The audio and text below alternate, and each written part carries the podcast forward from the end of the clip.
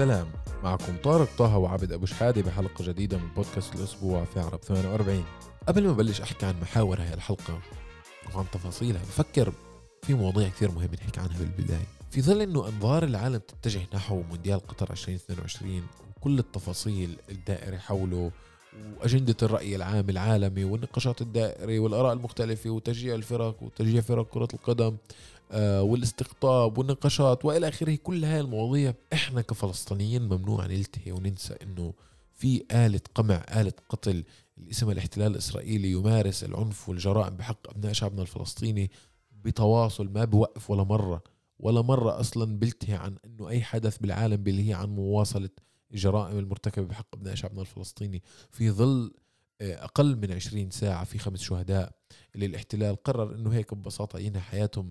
هذول شباب عمال طلاب آه، فتيان اللي هن عندهم طموح زيهن زي أي واحد فينا. طموح بدهم يبنوا حالهن عندهم أحلامهن عندهم آه، حقهن بالاستقرار بالعيش بكرامة بالعيش بحرية. لكن الاحتلال ببساطة بقرر إنه ينهي حياتهم. إحنا ممنوع كفلسطينيين نتعود على هيك أحداث. ممنوع نتعود على إنه الدم الفلسطيني مستباح على إنه إحنا كفلسطينيين ببساطة الاحتلال بقرر ينهي حياة شباننا ويزج شبابنا بالسجون. ممنوع ننسى إنه القضاء الإسرائيلي بيحكم على شبان فلسطينيين من الداخل بأحكام عالية جدا عشر سنوات وسبع سنوات بالسجن. على مشاركته بخل... باحتجاج باحتجاج على حقه بالعيش بأمان على حقه بعيش بكرامة على حقه بحرية أبناء شعبه على الحق بالدفاع عن المقدسات اللي هو بآمن فيها. هاي كلياتها أسباب كانت تخلي أو خلت أو بتخلي القضاء الإسرائيلي أنه يحكم على شبان فلسطينيين بالداخل على أسر بين سبع وعشر سنوات. هاي كلياتها منظومة واحدة تعمل على قتل وقمع نفسية وشخصية وطموح الشاب الفلسطيني. إحنا كفلسطيني ممنوع نتعود على هيك إشي. كان مهم إلي بالبداية أحكي هاي المداخلة إنه أذكر إحنا كمستمعين في ظل متابعتنا لأحداث عالمية وأحداث رياضية ومهم جدا إنه كمان إحنا نكون جزء من هاي الأحداث الثقافية والسياسية وكل الأحداث اللي عم تدور حوالينا بالعالم كوننا جزء من هاي المنظومة. لكن إحنا ممنوع ننسى ونتناسى وممنوع نتعود على الوضع القائم في فلسطين لأنه الاحتلال الإسرائيلي ولا مرة كان يلتهي عن مواصلة ممارسته القمعية لأبناء شعبنا في ظل آه، أشياء عم بتصير بالعالم حوالينا ولا مرة التهى ولا مرة نسي إنه هو آه، محتل وإنه هو لازم يمارس دوره القمعي بحق أبناء شعبنا. إحنا كفلسطينيين ممنوع نتعود على هيك إشي وإسا بدنا آه، نحكي عن آه، بهاي الحلقة عن آه، محورين. المحور الأول راح تشاركنا فيه هاجر أبو صالح من مؤسسة كيان تنظيم ناسوي فلسطيني. اللي نحكي معها عن نتائج بحث أجرته الجمعية نتائج البحث اللي عنوانه إقصاء النساء الفلسطينيات من المجالس المحلية واقع وتحديات بين قمع الدولة وقمع المجتمع. بفكر موضوع مثير مهم نحكي عنه في ظل إنه الانتخابات المحلية السنة المقبلة. وبالمحور الثاني راح يكون في عنا محرر الشؤون الرياضية في موقع عرب 48 ربيع سواعد ومشجع كرة القدم رأفت شعبان. آه، لنحكي معهم عن ما أنتجوا الأسبوع الثاني من مونديال قطر 2022 يعطيك العافية طارق. خلينا نبلش. وهيك عمليا بيكون عندنا كمان خبر محلي وكمان خبر من العالم.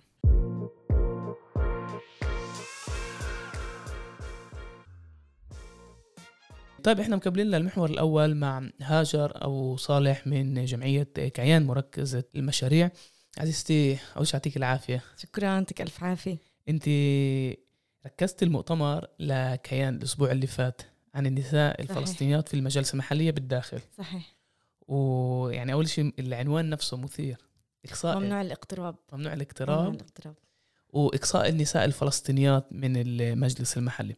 هلا كوني كمان عضو مجلس بلدي أنا اتفاجأت قديش المجلس البلدي مهم بحياتنا اليومية.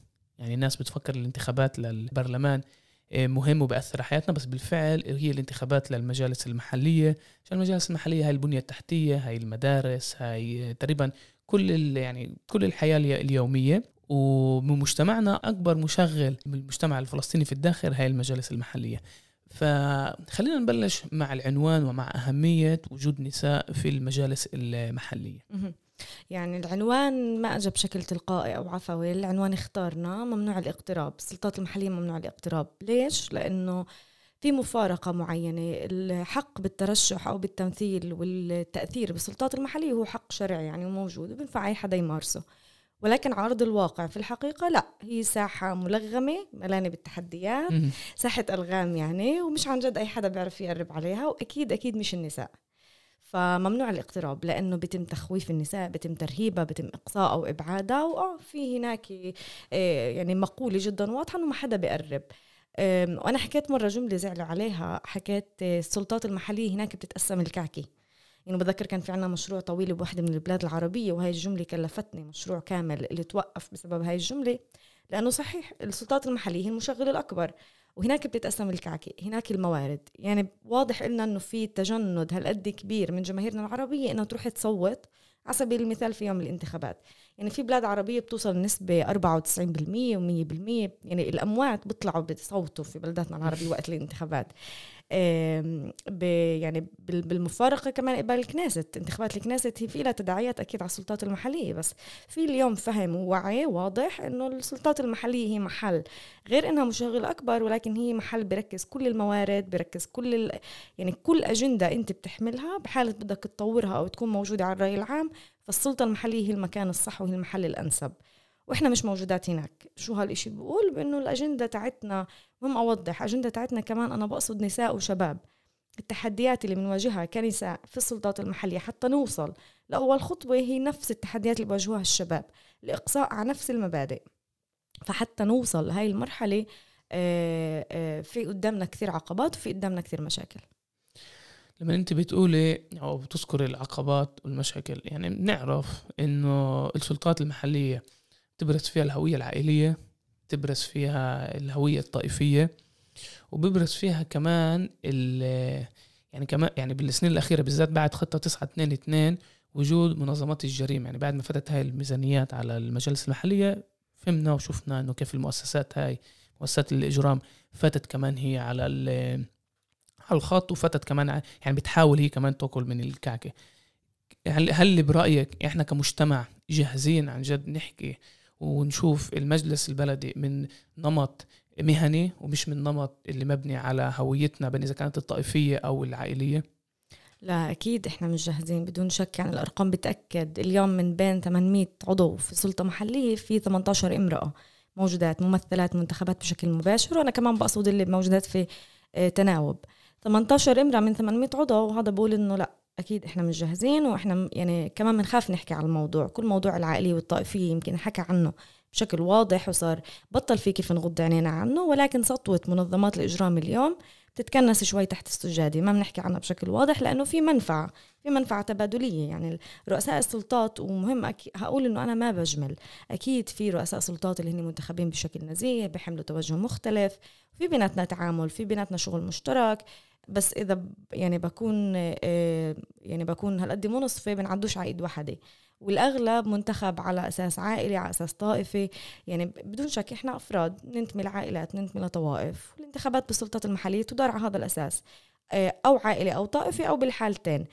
آه، مهم كمان أقول شغلة إنه موضوع العائلية والطائفية بيلعب دور. هو مش بس في القائمة نفسها أو في بناء القائمة أو بحط الاستراتيجيات تاعت القائمة أو بالفترة الانتخابية نفسها. ولكن هو نهج بيكمل معنا للأسف كل الدورة الانتخابية كل الخمس سنين. يعني إذا أنت مرشح على أساس عائلي أو طائفي إن كنت رجل أو امرأة أنت طلعت على كتاف العيلة فأنت مديون إلها. فخمس سنين أنت بدك ترجع إيه، بدك ترجع مناقصات بدك ترجع وظائف بدك تزفت الشارع بدك تفتح روضة للعيلة. فهذا هيك بتخلق المحسوبيات وهيك بتخلق الفساد وهيك بنشوف ال- المناقصات اللي مخيطة تخيط لناس معينة لأنه هذا الشخص إيه، طلع على كتاف العيلة وبده يرجع الدين. وهذا الدين خمس سنين إحنا بنضلنا كمواطنين يعني علقانين فيه. يعني أقول إن آه، هاجر هذا الصوت كتير مهم نسمع.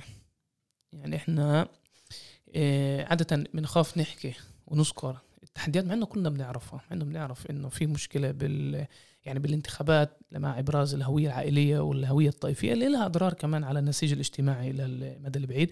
بس بدي نرجع خطوة لورا نحكي كمان على دور النساء وبدي أشاركك على شغلة صارت عندي بيافا. للأسف الشديد يافا جزء يعني يافا تل أبيب يعني بلدية واحدة من من ال 51 فيش مشكلة ميزانيات.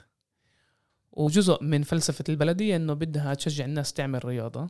فبنت كتير منتزهات اللي فيها آلات رياضية. يعني اللي بيجي على يافا أو بتل ابيب بشوفها كل بكل محل. فأنا كنت أسأل ليش بالمنتزهات هاي فيش نساء؟ ليش كل هالزلام مع إنه النساء عندنا بيعملوا كتير رياضة كتير بيطلعوا يمشوا. مثلا هاي رياضة دارجة عندنا عند النساء العربيات.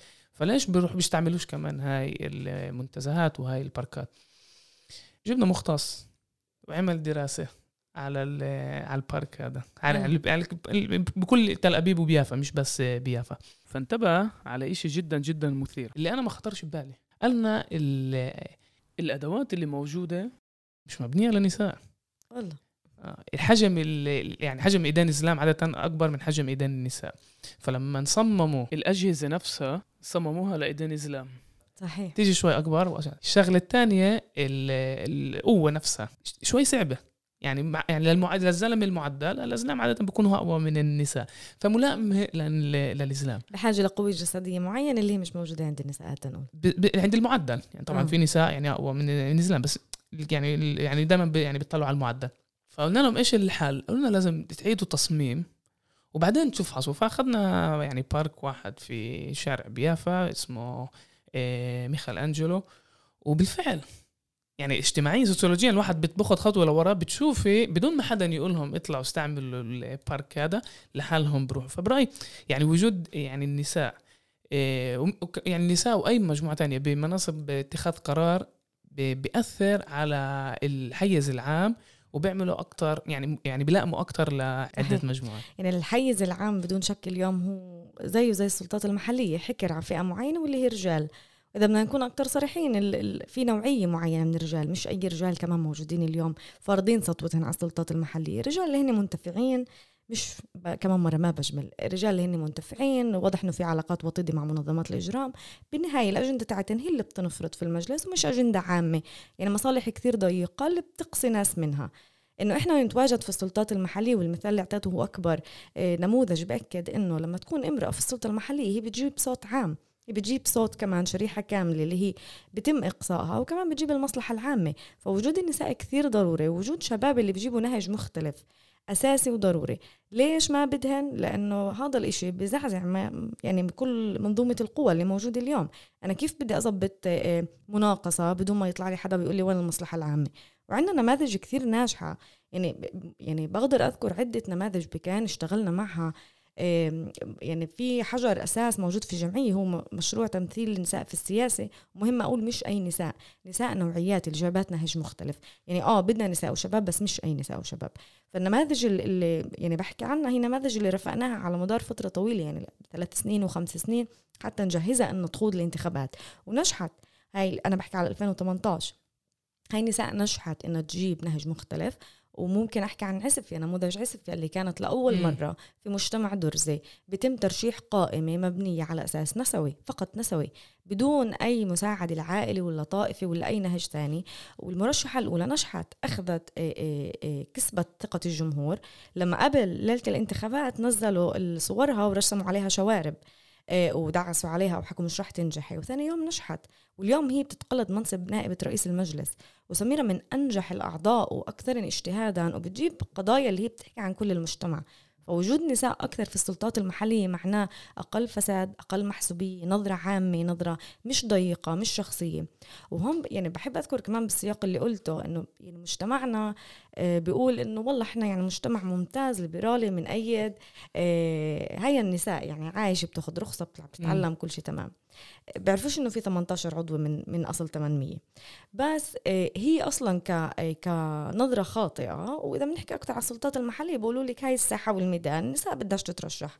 يعني إحنا بندفش بندعم. آه بس النساء ما بدها. النساء خويفة النساء كسولة.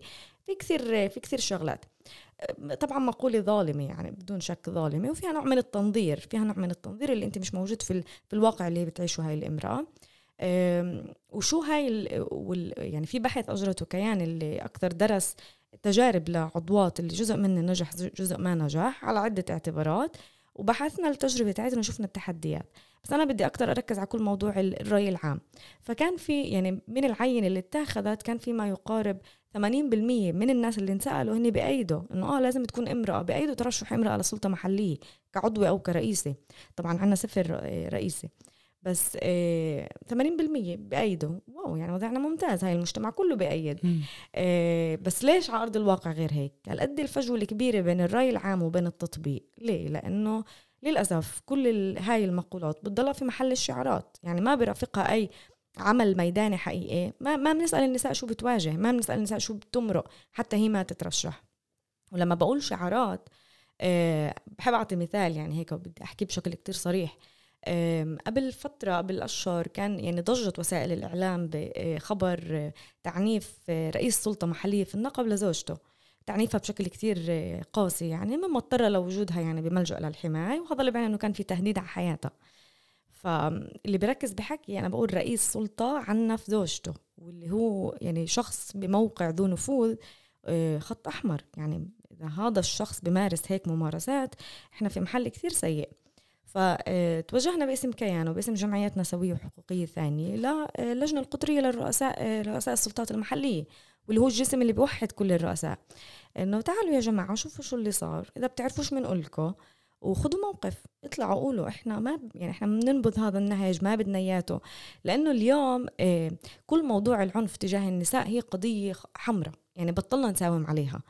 مين ما كنت تكون؟ منتخب جمهور أنا عارف. مين ما كنت تكون؟ موضوع قتل النساء والعنف تجاه النساء قضية ما بنساوم عليها. فتعالي يا لجنة خذي موقف اطلعي قولي هذا رئيس سلطه محليه صحيح ولكن نهجه ما بيمثلنا. آه شو صار في الواقع؟ ولا شيء لحد هاي اللحظة ما وصلنا جواب طبعا. يعني إحنا بنحكي على بيان بنحكي على موقف مش أكثر من هيك. ما كان في.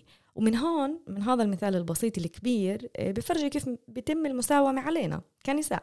يعني على الحق الأول هو حق العيش بأمان حق ما نقتل أقل ما فيها عائد أعزائنا. يعني وبعدين بتصير الحقوق الأكثر مركبة اللي هي حقوق السياسية إحنا نترشح.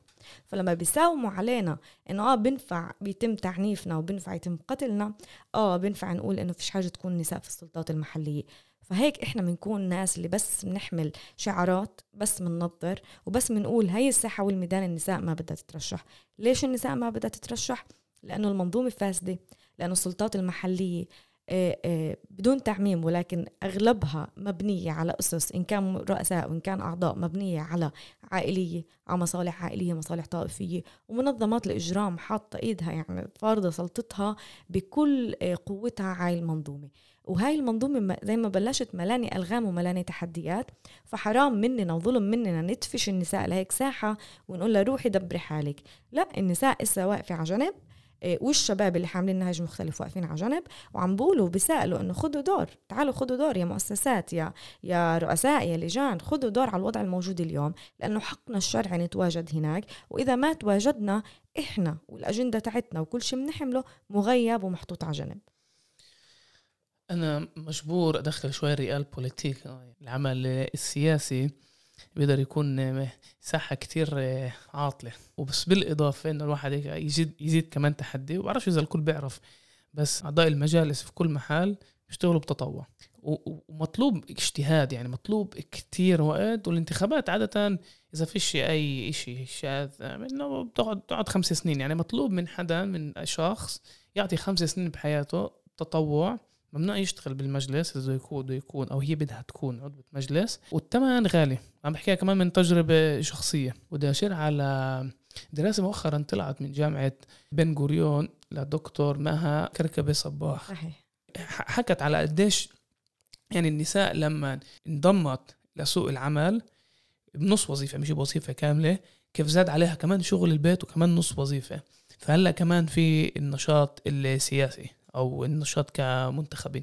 يعني كيف أنتم تعاملتوا بالدراسة مع هذا التحدي إنه مطلوب كمان يعني مطلوب من النساء تاخذ عاتقها كمان مهام بالإضافة لمهام الشغل ومهام ال- صيانة البيت؟ صحيح يعني ال- ال- الوظيفة كوظيفة هي وظيفة بدون مردود مادي وظيفة اللي بتتطلب كتير تداخل. يعني المفروض كعضو أو عضوة في سلطة محلية المفروض يكون في لك صوت في, في أغلب الجلسات وأنت منتخب جمهور في عليك مسؤولية كبيرة. فالتحدي بحد ذاته هو بيواجه الجنسين بيواجه كمان الرجال كمان النساء. ولكن زي ما حكيت كثير مرات تحدياتنا إحنا كنساء في الواقع اللي بنعيشه بتتحول لأكثر مركبة. يعني في سياق عام بالأول بنفعش ننكره إنه إحنا كنساء فلسطينيات عايشات في في في هاي الأراضي بتمارس علينا نوع من التمييز والإقصاء يعني إقصاء ذكوري من المجتمع نفسه. وبنفس الوقت إحنا عايشات في ظل دول اللي بتمارس هاي ال... هاي السياسات على المجتمع ككل. ففي ثمن مضاعف عمال يندفع والتحدي تبعنا عشان نكون عضوي في السلطة المحلية هو مضاعف ومركب أنا مش بس ما باخذ مقابل أنا بترتب علي كمان مهام أكثر عن أي رجل ثاني. مم. فشو الحل؟ الحل إنه المجتمع يلائم حاله يلائم حاله ويهيئ بيئة صحيحة إنه هاي النساء تترشح. وأنا بفكر ال ال كمان كتحدي هو على أرض الواقع مش مش عن جد تحدي بوجه النساء. يعني كل موضوع إنه الوظيفة بدون مردود مادي ما بشكل عائق عند النساء. لأنه أنا آه، يعني شخصيا لمست نموذجين جدا ناجحات. آه، للأسف ناجحات كتجربة طويلة طويلة الأمد ولكن المدى القصير للاسف كان في فشل معين. التجربة الأولى اللي هي امرأة آه، ناشطة ناشطة من أكثر من 30 40 سنة في الحقل ناشطة في المجال في الميدان السياسي الوطني التطوعي اللي بدك اياته امرأة يعني حديدية زي ما بقولوها وناشطة في كل محل. لما بقول ناشطة بقول كمان غيرت. اطلعت نساء من دوائر عنف غيرت جابت مشاريع. لما هاي الامرأة قررت تترشح آه، حكى لها يعني كبير العيلة قال لها فيش حدا أزبط منك يكون في هذا المنصب بس إيش؟ ما ضلش رجال يعني عشان نرشحك أنت. مم. فيعني عندها كل شيء بس شو ناقصها؟ شيء واحد إنه هي مش زلمة. مم. إيه، فهاي الامرأة 30 40 سنة وهي تشتغل بتطوع وما سألت وين المردود. فلسه لما بدها تفوت على السلطة المحلية آه ذكر إنه فيش مردود. لا إحنا أعطينا كثير من حياتنا ومن سنيننا إيه لهذا المجتمع وبنينا والنساء المتطوعات اللي أنا برافقهم شخصيا بالمجموعات المحلية. بيشتغلوا من 15 16 سنة بيشتغلوا سنين اللي أنا كنتش لسه ولدانه فيها إيه متطوعات. متطوعات بدون أي مردود أو بدون أي نظرة. وبعطي كمان مثال ثاني لنفس النموذج امرأة في بلد عربية ثانية اللي هي كانت جدا ناشطة من أوائل النساء اللي بنوا مجلس نسائي في البلد عندها جابت كثير صوت جديد على البلد. إيه، وسنين سنين من العمل التطوعي. لما قررت تترشح طبعا تم منعها من قبل العيلة إيه، مش بسبب ذكوري يعني مش كونها امرأة بسبب سطوة منظمات الإجرام. فكان في خوف معين على. حياتها. بفوت كل عامل السلامة والأمان الشخصي على العيلة. وحكوا لها لا يعني إحنا ما بدنا تروحي على هاي الساحة. وتم طبعا آه، إقصائها ويعني ترهيبها إنه لا ما بنفع تفوتي. بس يعني للمفارقة العيلة اليوم بتدعم مرشح ثاني إنه العيلة بتدعم مرشح إنه يفوت على الانتخابات بنفس ظل المنظومة. فأنا كعائلة بنفع آه، لما بدي أرشح أو لما بدي أدعم أكيد النساء هي مش بأولوياتي بغض النظر عن التحديات. فبفكر كل موضوع إنه فيش مردود مادي آه، هذا ما بشكل عائق تجاه النساء لأنه التجربة أثبتت إنه النساء مم. فعالات في الحقل سنين بدون أي مردود هاجر يعطيك العافية عزيزتي كنت شكراً. رائعة بتأمل كمان هاي الدراسات يعني نتعلم منها إنه نسأل حالنا الأسئلة الجوهرية نسأل حالنا لهي الأسئلة الصعبة ونشوف كمان كيف ممكن ناخد مجتمعنا كمان خطوة لقدام إيه وبدي أنهي أقول اللي يعني بشكل عام على المجالس المحلية إذا إحنا كمجتمع بنبلش يعني ناخد مسألة المجلس المحلي بشكل جدي رح نصير نشوف كيف الطبقة الوسطى العربية اللي عادة هي اللي بتعمر البلاد يعني هي يعني مش شرط نخب بس آه، يعني الإضافة النوعية رح تلاقي حالها يعني برات برات البلدان العربية. صحيح حيفا مثلا المعطيات الأخيرة بتدل إنه سنويا بتستقبل ألف عربي جديد من القرى من وادي عارة من آه، شمال آه، البلاد. بس هاي عادة بتكون بيكونوا طلاب الجامعات بين إذا كانت التخنيون وبين إذا كان جامعة آه، حيفا. ولما بيطلعوا من البلدان العربية حيفا بتستفيد منهم. يعني هاي ناس عادة دكاترة مهندسين ناس ناجحة بيفتحوا محلات تجارية بيطوروا المكان. فإذا إحنا بناخدش هاي الدراسات بجدية ومسألش هاي الأسئلة الصعبة ومنقدش التغيير اللي بدنا نشوفه للأسف الشديد يعني بدنا ناخد بعين الاعتبار وهي حتكون مسؤوليتنا. إنه الجريمة رح تضل تزيد وتكبر في البلدان العربية. كمان الهويات الضيقة هاي العائلية والطائفية هي رح تكون اللي مسيطرة على المجالس نفسها. التغيير نفسه كمان يعني بأكد على جملتك الأسئلة الجوهرية اللي هي صعبة لما نبلش نسألها هاي أولى خطوات التغيير. يعني خلص نكون ظالمين ونقول النساء بدهاش تترشح والشباب بدهنش يترشحوا. بلشوا اسألوا تعال نبلش نسأل ونقول ليش النساء ما بدها تترشح؟ شو التحديات اللي بتواجهها؟ شو عم تمرق؟ شو اللي عم بتواجهه؟ إيه إيه من عيلة من طائفة من منظمات إجرام؟ بكفي نغير هذا السؤال وفهم معمق ومركب لكل سياق قمعي للنساء الفلسطينيات مجبور يكون بعينيهن هن. يعني كرجل ما ينفعش تقعد بتنظر انزل على الواقع وشوف شو المرة بتعيش شو بتمرق لما بتقرر بدها تترشح.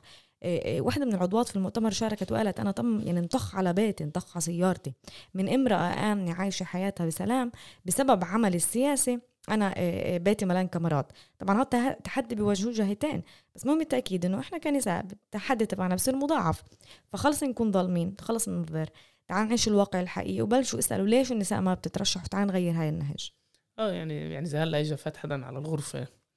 وعنده مشكلة معنا. راح يعني يفكر مرتين إذا يصرخ على عبد بين إذا صرخ على هاجر. يعني بتأمل للأسف الشديد. إيه، وبحب أختم بقول نتعلم من تجربتنا في يافا مع المنتزهات الرياضية هاي. صحيح. ونلائم الواقع إنه تكون مرحبة على الجميع مش بس لزلام ومش بس لمجموعات معينة. صحيح. نتأمل يجي هاليوم. يعطيك العافية عزيزتي. شكرا. يعطيك الف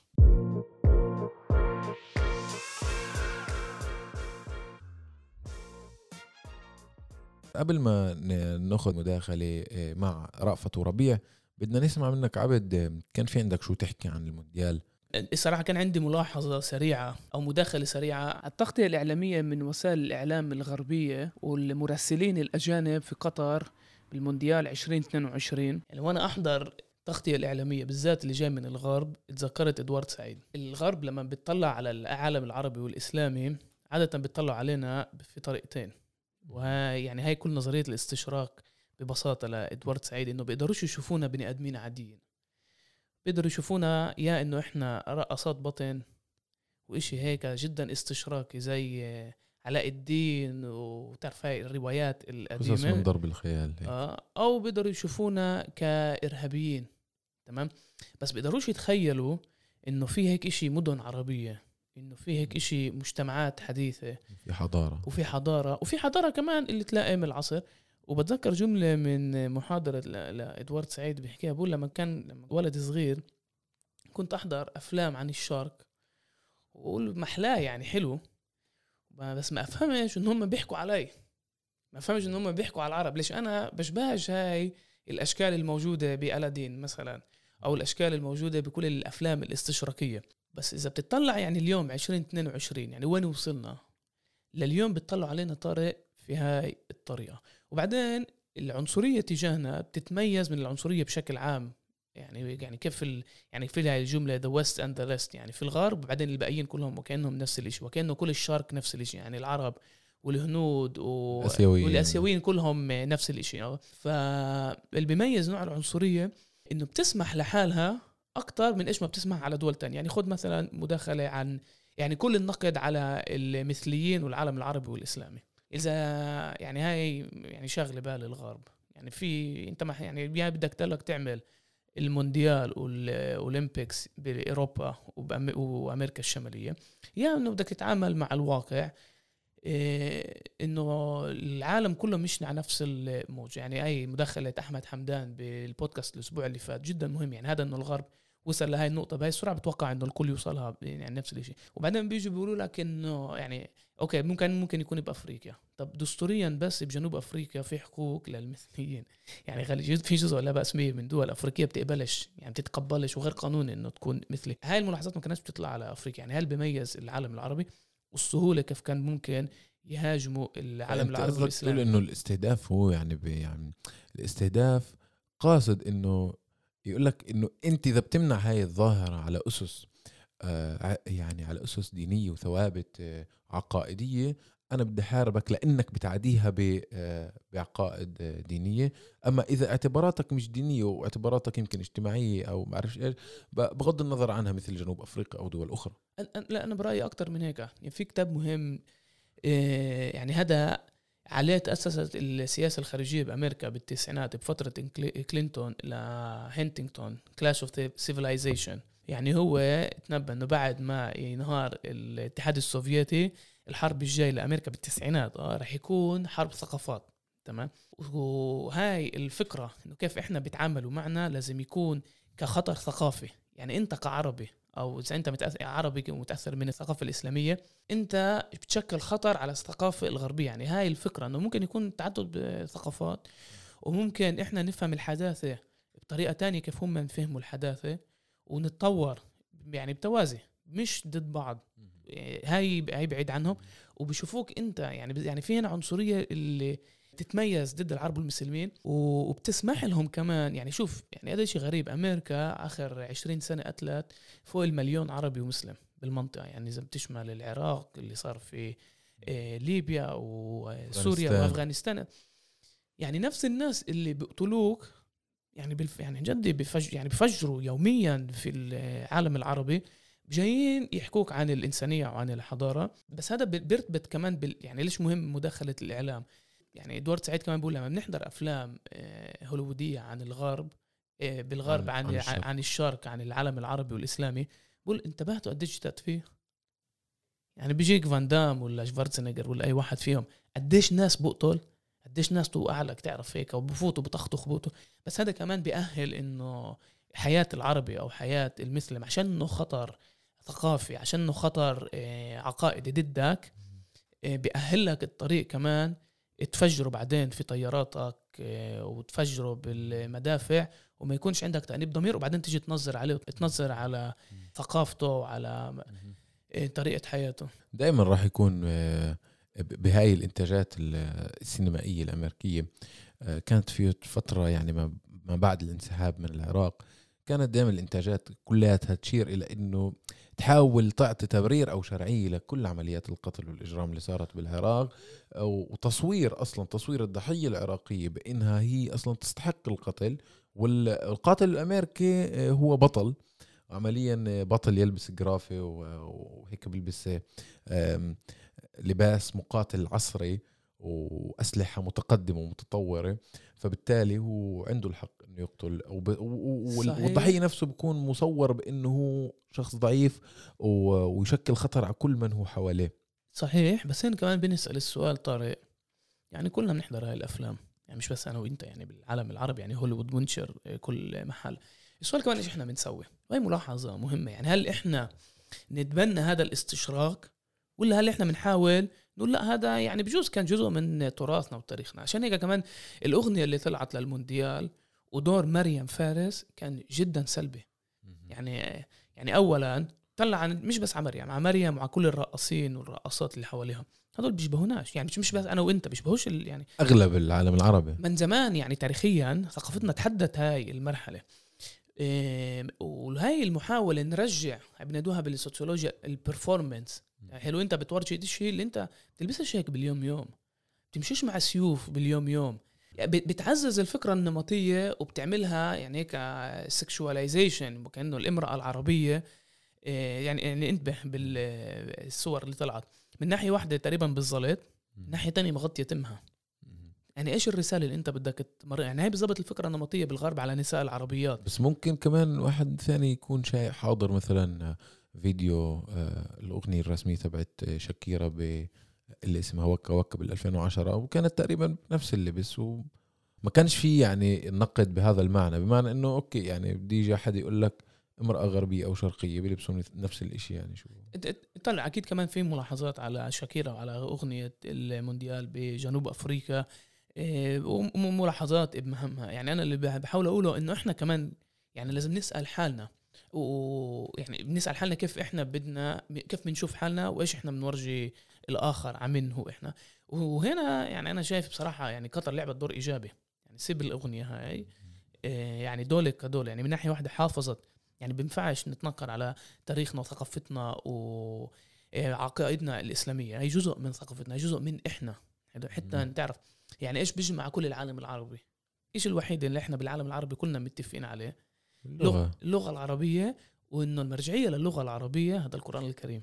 يعني ممكن تكون ملحد في إجماع. مرجعية اللغة العربية مرجعية هي اللغة هي القرآن الكريم. ووجوده يعني له له رمزية مش بس يعني أول شيء في رمزية دينية والآيات اللي اختاروها برأيات جدا ملائمة للحدث اثنين كمان إنه يعني إحنا بنيجي بنقول يعني هذا إحنا وبدنا إياكم تحترمونا على كيف إحنا. بدناش نتغير يعني وهذا الدور اللي لعبته آه، دولة قطر. صحيح.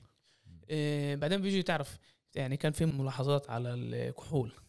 تمام؟ يعني بالذات يعني هي جزء من ثقافة الغرب وجزء من الناس يعني بمجتمعنا وبعالمنا العربي يعني كمان بيشربوا خمرة يعني مش إنه كان في يعني- نقد على الموضوع آه. بس إنه كمان يعني أنا في في شغلة هيك عرفتها مؤخرا إنه إنه منع بيع الكحول فقط بالملاعب. بالضبط هذا اللي بدي يعني أحكي. يعني, يعني- بريد الملعب ممكن. مم. وبعدين تعرف في سؤال شرعي لازم ينسأل يعني هل بدنا كحول بالمناسبات الرياضية ما إحنا بنشوف المشجعين كيف بتصرفوا بدون الكحول يعني هل إحنا بدنا نشجع هاي ملاحظة يعني بفكر يعني بس إنه إنه نفكر فيها. إيه فهي هي المداخلة طارق وبرأيي يعني إحنا كمان لازم نصير نسأل حالنا أسئلة جوهرية من إحنا كيف بدنا نبين كيف بنتوقع من الآخر إنه يشوفنا وندير بالنا من ال- تعرف هاي ال- الأفكار النمطية علينا كعرب كفلسطينيين وكمسلمين أو من الأديان السماوية الموجودة بمنطقتنا. طيب عبد شكرا على المداخلة. إيه، بدنا نأخذ المداخلة تبعت ربيع سواعد محرر الشؤون الرياضية بعرب 48 ورأفت شعبان اللي هو مشجع كرة القدم. لنحكي معهن إسا مباشرة عن الفوتبول وعن مجريات الأسبوع الثاني للمونديال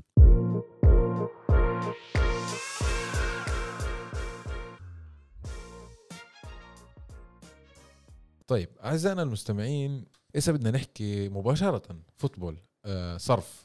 بدنا نحكي إحنا ورأفت شعبان آه، المحلل والكاتب بالشؤون الرياضية ومشجع كرة القدم آه ومع محرر الشؤون الرياضية في موقع عرب 48 آه ربيع سواعد.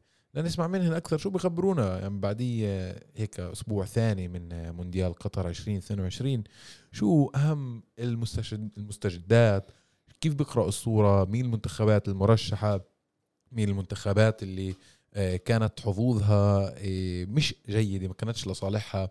مين كانت المنتخبات اللي كانت ممكن تقدم أداء أفضل وبالتالي آه، ما قدمت هذا الأداء اللي كان متوقع منها؟ هاي التفاصيل أكثر رح رأفت وربيع يحكوا لنا عنها. بدنا نبلش مع رأفت. نسمع منه برصده خلال هذول الأسبوعين كيف كانت الأمور ماشية. بس قبل قبل ما نحكي رأفت آه بدنا تحكي لنا انت مين بتشجع؟ أنا أنا منتخب بتشجع. أنا بشجع المنتخب الإيطالي. مم. للأسف اللي وين صار له هو؟ صار له ثاني مونديالين. ثاني مونديال آه، إحنا ما بنتأهلوش.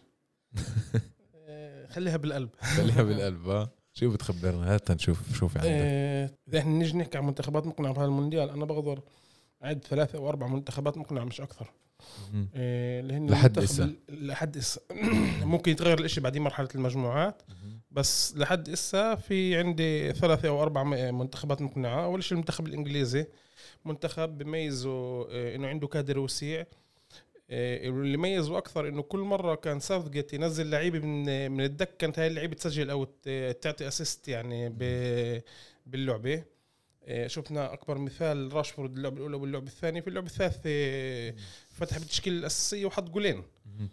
آه، فعملية يعني عملية التبديل والاستعانة بال كادر عنده كادر عنده. كادر كادر لعيبه. وسيع. ومن ناحية quality ال quality يعني اللعيبه اللي بال- اللي بالملعب اللعيبه اللي على الدكة لا تقل أهمية عن اللعيبه اللي بالملعب آه، وصلوا النهائي لنهائي اليورو قبل خمسة أشهر بس آه، يعني أنا شايف إن كمان من- منتخب مرشح. مشكلتي انه لحد هسه ما واجهوا منتخب اللي هو منتخب اللي, اللي هو منتخب يعني كبير.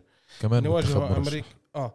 لا هن ما واجهوا منتخب كبير اللي نقدر نحكم عليها 100% بأدائهم. آه، بأدائهم. آه، رأفت بس بدنا نسمع ربيع كمان آه، قبل ما تحكي عن باقي المنتخبات المرشحة. بدنا نسمع فريق مرشح منك وفريق مرشح منه. بس آه، ربيع بدنا بعديه كمان انت تعطينا بعديه أسبوعين على تغطيتك لأحداث ومجريات المباريات آه، في مونديال قطر. تعطينا هيك بريف سريع شو في آه، عندك تحكي لنا أهم ما رصدته بهذول الأسبوعين. شوف يعني الجولتين آه، بنقدر نقول عنهن انتهوا من المونديال. لسه إحنا بالجولة الأخيرة اللي هي لدور المجموعات اللي اليوم عمليا آه، راح تنتهي. آه، دور المجموعات راح نبلش السبت في ثمن النهائي. دور المجموعات كان فيه مفاجآت آه، م- منتخبات اللي ما أعطت كل اللي عندها. ما شفنا كل ال- الماكسيموم من هاي المنتخبات ما أعطت لأنه آه، في في عدة عوامل اللي شفناها خلال المباريات. مثل آه، السعودية كيف غلبت الأرجنتين مثلا اليابان كيف غلبت آه، ألمانيا. نتائج غير متوقعة يعني. نتائج يعني عن جد نتائج اللي ما حدا توقعها. آه، بنفس الوقت المنتخبات لما نيجي نحكي عن منتخبات عربية منتخبات عربية وصلت لمرحلة اللي يعني الم- المغرب والسعودية صار الإشي وصلوا وضع إنه الإشي متعلق فيهن. يعني مش إنه هن متعلقين في منتخبات أخرى.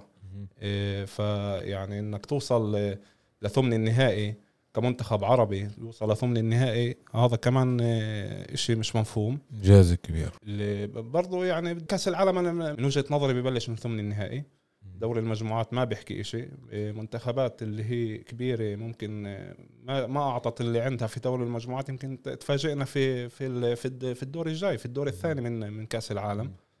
فبنستنى كأس العالم في ثمن النهائي بنشوف شو المنتخبات راح تعطي. هاي هي الأدوار اللي معروفة طبعا يعني خروج المغلوب يعني فش يعني إذا كان في عندك فرصة كمنتخب زي الأرجنتين وزي ألمانيا إنك تطلع للدور الجاي أخذت فر- فرصة إنك أنت تطلع ففيش فرصة ثانية إنك تأخذ كمان فرصة في في, في أدوار ال- الإقصائية. ف برشح منتخب مثل البرازيل برشح منتخب مثل إسبانيا. هذول اللي بوجهه نظري المنتخبين الأوفر حظا يعني للتتويج بكأس العالم. طيب رأفت ربيع رشح البرازيل ورشح آه، إيه كمان آه، منتخب. آه، أنت مين بترشح كمان غير آه، إنجلترا مثلا؟ أنا ما برش إنجلترا بشكل ثابت. أنا أعطيت النقاط الإيجابية على انجلترا أنا شخصيا. متوقع إنه فرنسا تحافظ على اللقب. أو فرنسا تحافظ على اللقب أو بتفق مع ربيع بالنسبة للبرازيل. اجى الوقت إنه منتخب أمريكي جنوبي إيه، يرجع يأخذ اللقب بعد غياب 20 سنة من 2002 آخر مرة البرازيل أخذته. اجى الوقت إنه منتخب أمريكا الجنوبي يأخذه كمان مرة.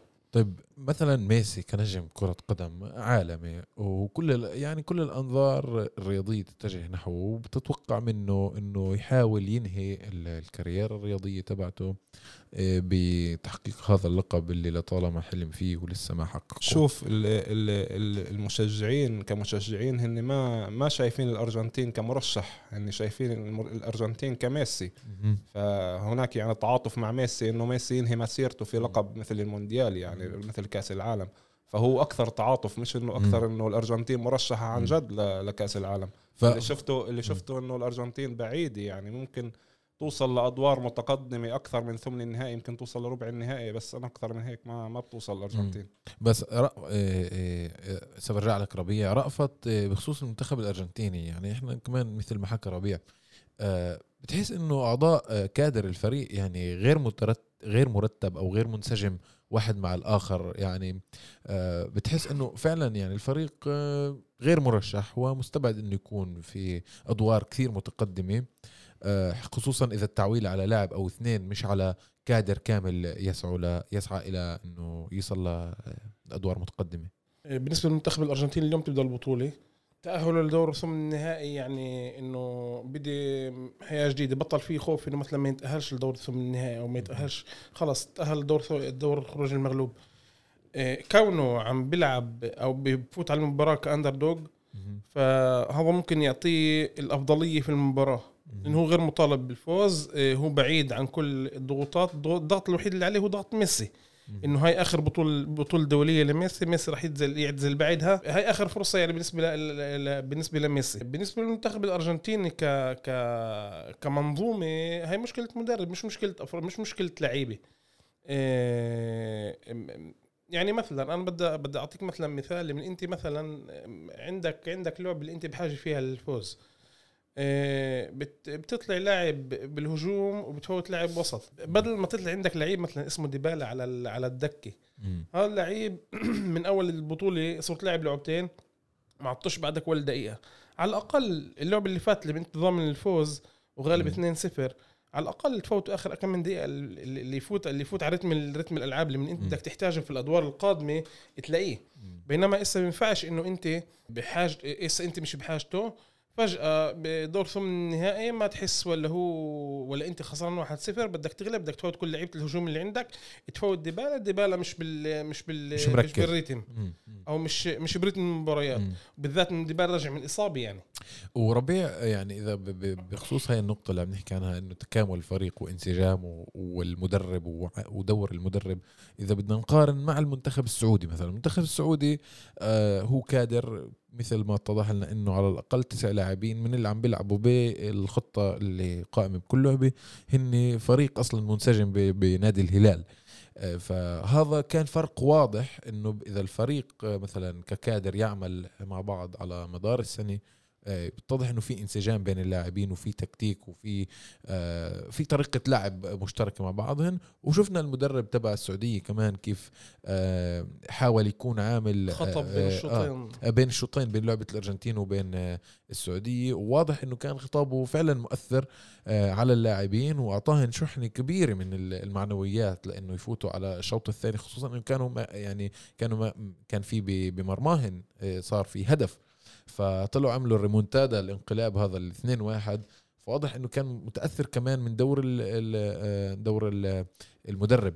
المدرب بيلعب دور كثير. طبعا كبير طبعا أكيد. يعني المدرب بدون شك يعني له دور آه، زي ما أنت حكيت يعني مدرب السعودية خلال الشوطين قدر يستجمع آه، قوة اللاعبين المنتخب السعودي من خلال الاستراحة اللي كانت بين الشوطين يعني تكون متأخر بهدف بعدين تغير النتيجة لاثنين واحد وزي منتخب زي الأرجنتين. فهذا يعني بدل إنه قديش شخصية المدرب وتكتيكاته وخطة المدرب زي ما حكى رأفت إنه بينفعش تطلع لاعب بمركز معين وتحطه وتفوت لاعب بمركز آخر. يعني طبعا يعني هذا بيأثر على على على اللعب بيأثر على خطة اللعب بيأثر على الانسجام ما بين اللاعبين. فيعني راح نتوقع هسه راح نشوف يعني المنتخبات مغايرة في في, في الأدوار في الأدوار القادمة. آه، عما شفناها في في دور المجموعات يعني. طيب رأفت يعني إذا بدنا نحكي عن فرق اللي كان متوقع منها أكثر من اللي قدمته أني عن أنو منتخبات عم نحكي إحنا؟ طلع إذا أنت بدك تحكي على متو... كان متوقع منها أكثر من ناحية أداء. وما هن جابوا هن جابوا النتائج بس ما من ناحية أداء ما كانوا ما كانوا في ب... ب... ب... بالتوقعات. أنا بروح على على البرتغال. آه البرتغال هي مشكلتها مشكلة مدرب بحت. آه اليوم الفوتبول إذا بدك تيجي تطلع عليه هو عبارة عن قائد اللي هو المدرب بيحوي مجموعة من اللاعبين. كيف ممكن يحوي المجموعة من اللاعبين آه، عن طريق آه، إحوائهم تحت آه، هيكل تنظيم متوازن بيملك القدرة على خلق الفرص والانتشار في التحولات الهجومية والدفاعية. إذا إحنا بنطلع اليوم على كادر البرتغال كادر البرتغال اليوم هو من أحسن من من أفضل كوادر لعيبة موجودة اليوم في العالم. في كل الخطوط في خط الدفاع في خط الهجوم في خط الوسط عندنا أحسن لعيبة في العالم. بينما الاستراتيجية اللي بفوت فيها المدرب اللي هي الاستراتيجية هي اليوم بالفوتبول الاستراتيجية هي كل شيء إيه، اللي بفوت فيها المدرب اللعيبه مش عم تطبقها إيه، كيف لازم. هذا بقول لك إن الاستراتيجية اللي عم بفوت فيها المدرب هي استراتيجية غلط. ف يعني أنت إيه، بتلاحظ إنه مثلا في استراتيجية ببلش فيها المباراة واللاعبين ما بمارسوا آه، الخطوط العريضة تبعت هاي الاستراتيجية. يعني بتحس في فرق بين استراتيجية المدرب في فجوة وبين في فجوة. في فجوة بين المدرب وبين اللعيبة. بالنسبة للمنتخب البرتغال هاي من ناحية. ومن ناحية ثانية هو ما بيستغل كل القدرات اللي عنده نفس على على على نهج المدرب المنتخب الارجنتين ما بيستغل كل القدرات اللي عنده آه، آه، وبيحطها على أرض الملعب. يعني على سبيل المثال لياو اللي هو أفضل لاعب أخذ أفضل لاعب في في المنتخب في الدوري الإيطالي العام العام الماضي. حطه على الدكة يفوت بدقيقة 87 مش منطق. بالذات أنت شايف شايف الأمور مش مش ماشي معك لا بفوت أنا بين الشوطين أنا بفوت من أول اللعبه أنا شفت شفت أول لعبه الأمور ما مشيت كيف لازم اللعبه الثانية أنا بفوت من أول اللعبه بعمل تغييرات من أول اللعبه بغير تكتيك أو استراتيجيه فوت لعيبة ثانيين. طيب ربيع بس إحنا بدنا ننوه هيك نفتح قوس للمستمعين إنه إحنا عم نسجل الحلقة يوم أربعة الحلقة تعرض يوم الجمعة فبالتالي ما بدنا يكون تضارب بالمعلومات أو ب يعني بالتفاصيل لأنه إحنا في خضم مرحلة التصفيات من دوري المجموعات والحلقة راح تعرض يوم الجمعة اللي فيها راح يكون آه، خاتمة آه، دوري المجموعات. فبالتالي ما بنقدر نتوقع آه، مين راح يبقى ب... مين راح يتأهل للدور الثمن النهائي ومين راح يروح على بيته بدور المجموعات. فربيع بهذا الخصوص المغرب والسعودية وتونس. إحنا بنعرف الحظوظ آه، بدنا نسمع منك شو الحظوظ الحظوظ تبعت كل فريق. في كل فريق بتختلف درجة الحظوظ آه، بال يعني بال مين مين محتمل إنه يتأهل أو لا ومين أصعب عليه المهمة ومين أقل صعوبة. فبدي أسمع منك بهذا الجانب. خلينا نبلش مثلا مع المغرب. يعني المغرب آه، مثلها مثل السعودية. المغرب وصلت لوضع ال- الشيء بإيدها يعني. الأشياء ينطبق على المغرب وعلى السعودية. يعني المغرب والسعودية في حاجة هذا ب- ما بقول إنه هن مش بحاجة لفوز هن بحاجة لفوز في في آخر مباراة حتى يضمنوا التأهل. المشكلة هي بالنسبة لتونس. تونس راح تلعب قدام ضد فرنسا. ضد فرنسا يعني ضد منتخب فرنسا. حمل اللقب. ويعني طبعا عينها على منتخب فر... على المباراة مع منتخب فرنسا اللي بدها ثلاث نقاط من منتخب فرنسا اللي ضمن اللي طبعا ضمن تأهله لثمن النهائي بشكل مسبق. آه، غير عن هيك يعني هي بدها ثلاث نقاط من منتخب فرنسا. وبدها كمان من اللعبة الثانية. إنه واحد من الفريقين يخسر. يعني م- مش واحد من الفريقين يعني حتى حتى أقول لك مين الفريق. بدهن بدهن بدهن- أستراليا تخسر. اخسر أستراليا. يعني أستراليا تخسر مع الدنمارك يعني آه، هذا وهن وهن يغلبوا وهن يغلبوا وهن يغلبوا الدنمارك. هن يغلبوا فرنسا فرنسا. فرق أكبر من من بالضبط. بتخسره. بالضبط يعني مهمة صعبة. يعني. مهمة صعبة لمنتخب تونس. بتوقع بتخيل إنه آه، راح نشوف المغرب والسعودية في ثمن النهائي. مم. آه، قطر يعني طبعا مع الأسف ودعت في ودعت. بشكل مبكر. آه، كنا بنتأمل انه نشوف أكثر من منتخبات اثنين في ثمن النهائي. يعني طبعا سبق وشفنا من قبل إنه آه، السعودية تأهلت قبل مرة لثمن النهائي. وكمان المغرب آخر مرة كانت فيه بثمن النهائي بنسخة العام 1986 إذا مش غلطان. زمان كثير يعني. آه طبعا.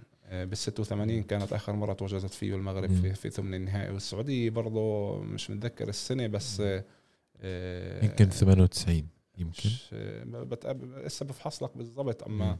آه، بتخيل. مش من بعيد كثير بس. يعني المنتخبات اثنين كان لهم الحظوظ ب- بالتأهل لثمن ثمن النهائي بس منتخب تونس ولا مرة. كان في ممثل في في ثمن النهائي كان دائما يودع في في دور المجموعات. طيب رأفت حكينا عن حظوظ المنتخب التونسي وقديش مهمة صعبة عليه. المغرب والسعودية محتمل جدا ان يكونوا بدور ثمن النهائي. المغرب شو المهمة اللي أمامها؟ المغرب طلع المغرب في في حالة ممكن المغرب إذا بتخسر تتأهل. آه، المغرب اليوم إذا إحنا بنطلع على اللائحة اليوم المغرب معهن معهن أربع نقاط. بالمقابل آه، كرواتيا وبلجيكا اللي هن لاعبين ضد بعض. كرواتيا معهن أربع نقط وبلجيكا معهن ثلاث نقط الإشي اللي بسهل المهم على المغرب إنه كرواتيا وبلجيكا لاعبين ضد بعض. المغرب بتأهلوش بس بحالة إنه كرو إنه إنه بلجيكا غلبوا كرواتيا والمغرب خسروا. ولكن إذا آه، المغرب غل المغرب اتعادلوا هن بيضمنوا بهيك ال- التأهل للمرحلة القادمة. يعني مهمتهم كثير سهلة. مهمتهم سهلة بس إحنا هون لازم نطلع على شغلة إنه آه، شفنا امبارح إنه ال- الملع ال- ال- المنتخب اللي بيلعب على فلسطين عم بيخسر. شفنا هذا الإشي مع الإكوادور وشفنا هذا الإشي مع آه، آه، مع مع إيران. فيعني ال- المنتخب اللي كان يكفيه تعادل كان يخسر. المنتخب اللي, اللي تع... إذا بتعادل أو بفوز بتأهل كان يخسر. ليش؟ لأنه ال... ال... ال... يمكن بفوت مرتاح أكثر على لا اللعبة. لا الاستراتيجية اللي بفوت فيها المدرب على اللعبة. هو بقول لك أنا بلعب على التعادل. اللي بيلعب على التعادل الفريق كله بيكون صف ورا. بضل يلعب على التعادل يلعب على التعادل يلعب على التعادل. تياكل جول تياكل. جول عود قطبها بعدين. طيب وبما إنه عم نحكي عن حظوظ الفرق والمنتخبات العربية ظل لنا السعودية نحكي عنها. السعودية مهمتهن آه، برضه مش بنفس الصعوبة تبع تونس تقريبا مشابهة لحظوظ المغرب. آه، يعني هن شفناهن غ- غلبوا في لعبة وخسروا في لعبة. يعني هسه معهم آه، ثلاث نقاط. آه، بعد لهم اللعبة الأخيرة. آه، من هون لنعرض الحلقة بتكون آه، اللعبة صارت ملعوبة. آه، فشو الحظوظ تبعتهم ببيتهم؟ طلع هن لاعبين هن وهن والسعودية وبرضه كمان النقطة المنيحة عند اللاعبين هن والمكسيك. والنقطة المنيحة عند السعودية إنه بولندا اللي موجود بالمرتبه الأولى اللي معهن أربع نقط الأرجنتين الموجود بالمرتبه الثانية اللي معهن ثلاث نقط لاعبين ضد بعض. ف يعني واحد من بولندا أو الأرجنتين راح يتأهل بحالة إنه آه، السعودية والمكسيك خلصت تعادل فقط واحد من بولندا والأرجنتين راح يتأهل مش اثنين. اللي منيح كمان السعودية إنه المكسيك لحد هسه ما قدمت هذا ال- الأداء الأسطوري اللي. بخلي المنتخب السعودي يخاف منها المنتخب السعودي لازم المنتخب السعودي بطبيعة طبيعه الحال تعادل ما ما بكفيه لإنه فرق الأهداف. آه، عندهم فرق أهداف ناقص واحد والأرجنتين عندهم فرق أهداف واحد السعودية لازم تفوت على اللعبة عشان تغلب. ما عندهاش ولا أي ولا أي فرصة إنها فرصة غير غير إنها تغلب. أصلا تعادل بنفعهاش لأنه كيف حكينا فرق الأهداف آه، بصبش لمصلحتها. فرق أهداف على الأقل هدفين. لا لا مش شرط هدفين. لأنه في آه ما هو بتعلق كمان بنتائج بتتعلق اللعب ب- الث- بتتعلق الثالثه بالأرجنتين. بالآخرين صحيح. طيب ويعني إحنا عم نحكي عن إنه دور الثمن النهائي راح ي... كيف الفرق راح تواجه بعضها؟ يعني في عندنا كم بيت وكل اثنين أول الأول من كل بيت والثاني من كل بيت من بيت آخر بتواجهوا مع بعض؟ أنو بيوت؟ عندكم معلومات بهذا آه الخصوص؟ آه، ال- الأول من المجموعة الأولى راح يواجه الثاني من المجموعة الثانية يعني عمليا هولندا راح تواجه الولايات المتحدة المباراه. اللي كانت امبارح. آه، السنغال هي الثانية من المجموعة الأولى راح تواجه إنجلترا اللي هي الأولى بالمجموعة الثانية. وهكذا آه، يعني بتكون بكل بيت آه. الأول والثاني. آه. آه عبال بعض. آه طيب قبل ما ننهي هاي المداخلة شباب بدي أسمع منكم بالآخر من السطر الأخير شو توقعاتك لنهاية المونديال ربيع أنا يعني زي ما حكى رأفت من 2000 و إيه، من 2006 لحد اليوم إيه، منتخباتي طبعا كلياتها أوروبية اللي عم تحرز كأس العالم تناوبت عليها إيه، ألمانيا فرنسا، فرنسا. وإيطاليا وإسبانيا. بتخيل بتخيل إنه هاي ال- هاي النسخة راح تكون من نصيب البرازيل. أنت برازيل آه، شكلك آه، ربيع. أكثر أكثر برازيلي. أنا بتوقع إنه البرازيل راح تكون راح تحرز كأس العالم هاي السنة. يعني الأرجنتين اللي متأمل فيهم ما, ما لا يحلمش؟ ما, ما, ما بتوقع إنه الأرجنتين راح توصل للنهائي يعني. طيب رأفت توقعاتك وأنت شو بدك؟ أنا بدي منتخب عربي ياخذ المونديال. وأنا كمان والله. صحيح. آه، توقعاتي أنا بتوقع آه، فرنسا أو أو البرازيل. من الآخر. آه. أنت لمين ميال يعني هات نشوف. آه، أكثر البرازيل. طيب شكرا جزيلا ال- ما سمعناك أنت. أنا بس والله بتكون تشجع ايطالي كمان. لا كنت أشجع الأرجنتين عشان ميسي بس لما لعبوا مع السعودية عملت هذا الكسر. صرت سعودي مباشرة. صرت أشجع السعودية. آه، صراحة أنا يعني من مشجعين المنتخب التونسي. أو حظوظه يعني بعيدة جدا لكن آه، تونس في القلب زي ما بسموها آه، نأمل خيرا يعني لأي منتخب عربي يظل عندنا فرصة آه، التأهل للسعودية والمغرب. بدنا نشوف شو بدهم يساووا بالمونديال يعني. أرجو النجاح لواحد من الفريقين على إن الأقل شاء الله. وشكرا شكرا رأفت الكاتب والمحلل في الشؤون الرياضية والمشجع كرة القدم ومحرر الشؤون الرياضية في موقع رب 48 آه، ربيع. سواعد يعطيكم العافية على هذه المداخلة. نلقاكم في جولة أخرى خلال المونديال. إن شاء الله يعطيكم العافية.